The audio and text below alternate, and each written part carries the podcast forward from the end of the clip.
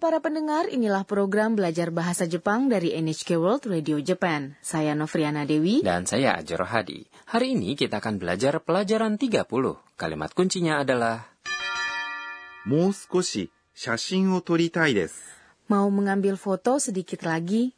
Hari ini Anna mengambil foto-foto bersama kawannya Sakura dan sepupu Sakura, Kenta, di lokasi yang memiliki sudut pandang Gunung Fuji yang indah. Mari kita dengarkan adegan untuk pelajaran 30. Kalimat kunci hari ini adalah もう少し写真を撮りたいです。 mau mengambil foto sedikit lagi.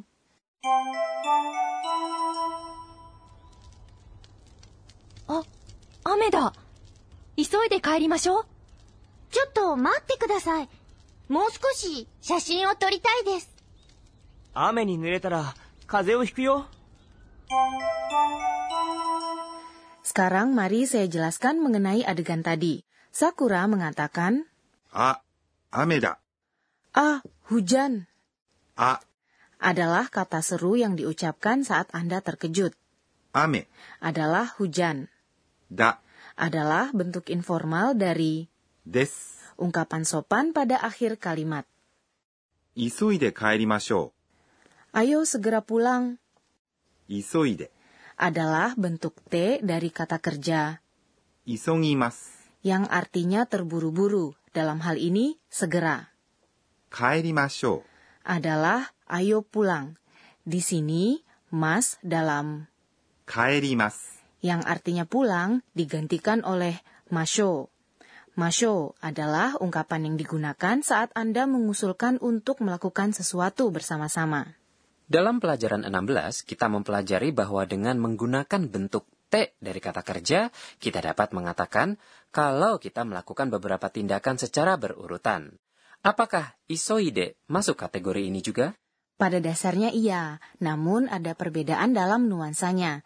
Di pelajaran 16, satu tindakan diikuti oleh lainnya. Di sini, dua tindakan terjadi pada saat bersamaan, bukannya terburu-buru dan setelah itu pulang. Di sini dikatakan bahwa mereka pulang sambil terburu-buru. Untuk kasus seperti ini, Anda juga dapat menggunakan bentuk T untuk menjelaskan bagaimana Anda melakukan tindakan yang diungkapkan oleh kata kerja yang mengikutinya. Mari sekarang kita kembali ke adegan tadi. Anna mengatakan, ちょっと待ってください。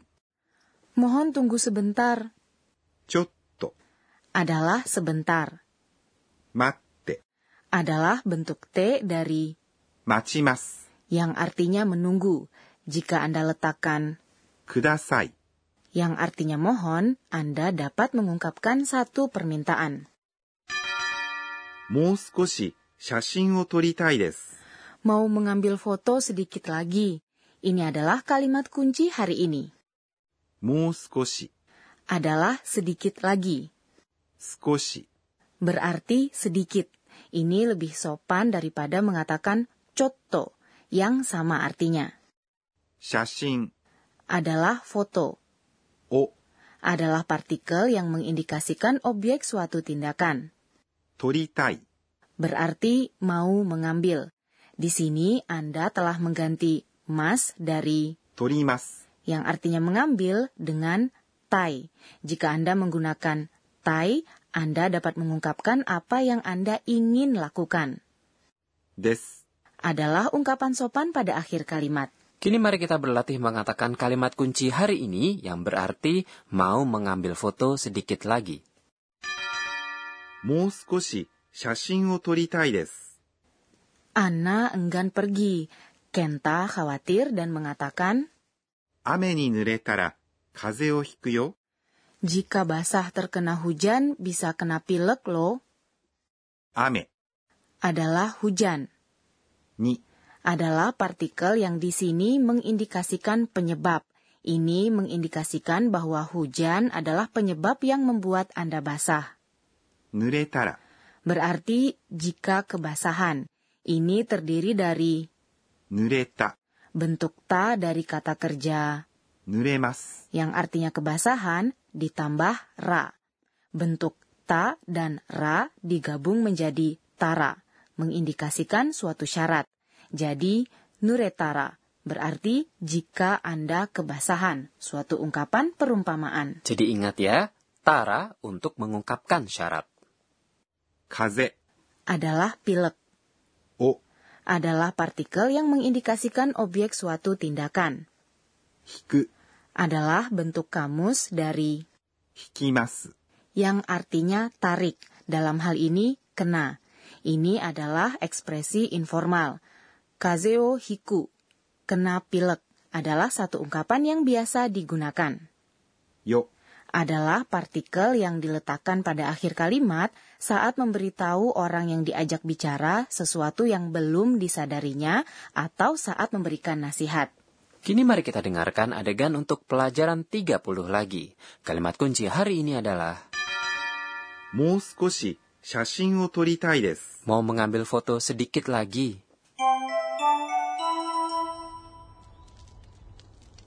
あ、雨だ。急いで帰りましょう。ちょっと待ってください。もう少し写真を撮りたいです。雨に濡れたら風邪をひくよ。 Sekarang waktunya pojok Sensei Oshiete. Penyelia program ini, Profesor Akane Tokunaga akan mengajarkan mengenai poin pembelajaran hari ini. Hari ini kita mempelajari tara yang mengindikasikan suatu syarat. Dalam pelajaran 29, kita mempelajari partikel to yang juga mengindikasikan suatu syarat. Apa perbedaannya? 私が教えましょう Sensei mengatakan baik たら、 dan と、 mengindikasikan suatu syarat. Saat sesuatu akan terjadi di bawah syarat tertentu, kita menggunakan tara atau to untuk menetapkan syaratnya. Namun dibandingkan tara, penggunaan to terbatas. Kita menggunakan to saat kita menunjukkan bahwa di bawah syarat tertentu, sesuatu selalu terjadi sebagai hukum alam, kebiasaan, atau hasil yang diperkirakan. Jadi, kita menggunakannya misalnya saat ingin mengatakan, jika Anda tekan tombolnya, Anda dapat menyalakan lampunya. Di sini, to menghubungkan syarat, Anda tekan, 押します。 dan hasilnya akan menyala. つきます。 Jadi, dengan menggunakan to, kita mengatakan, 押すとつきます。 dalam hal ini kita juga dapat menggunakan tara dan mengatakan, 押したら、つきます。 Di sisi lain, kita tidak dapat menggunakan to jika kita mengungkapkan niat kita setelah menetapkan satu syarat. Juga kita perlu menggunakan tara jika setelah mengungkapkan suatu syarat, kita mengajak seseorang untuk melakukan sesuatu bersama-sama atau kita mengungkapkan permintaan atau harapan. Jadi, kita menggunakan tara dalam kalimat seperti misalnya, 雨が降ったら帰りましょ kalau hujan turun, ayo pulang. Jadi, tara dapat digunakan lebih luas dibandingkan to ya. Jadi jika Anda tidak yakin mana yang lebih baik, lebih aman menggunakan tara. Dan itulah tadi pojok Sensei Oshiete. Berikutnya adalah pojok kata tiruan bunyi.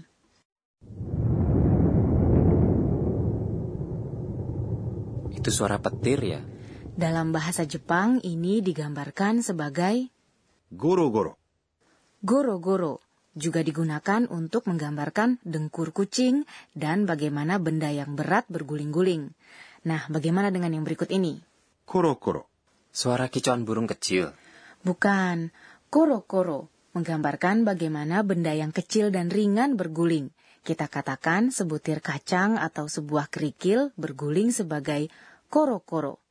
Dan demikian pojok kata tiruan bunyi hari ini. Sebelum menutup perjumpaan, inilah pojok catatan si Anna. えー、っと、今日は。 Saya dengar di Jepang ada banyak perkataan mengenai cuaca. Jika matahari terbenamnya indah, maka akan cerah besoknya. Atau jika ada pelangi di pagi hari, maka akan hujan. Apakah Anda menikmati pelajaran 30? Kalimat kuncinya adalah もう少し写真を撮りたいです。 mau mengambil foto sedikit lagi. Sampai jumpa.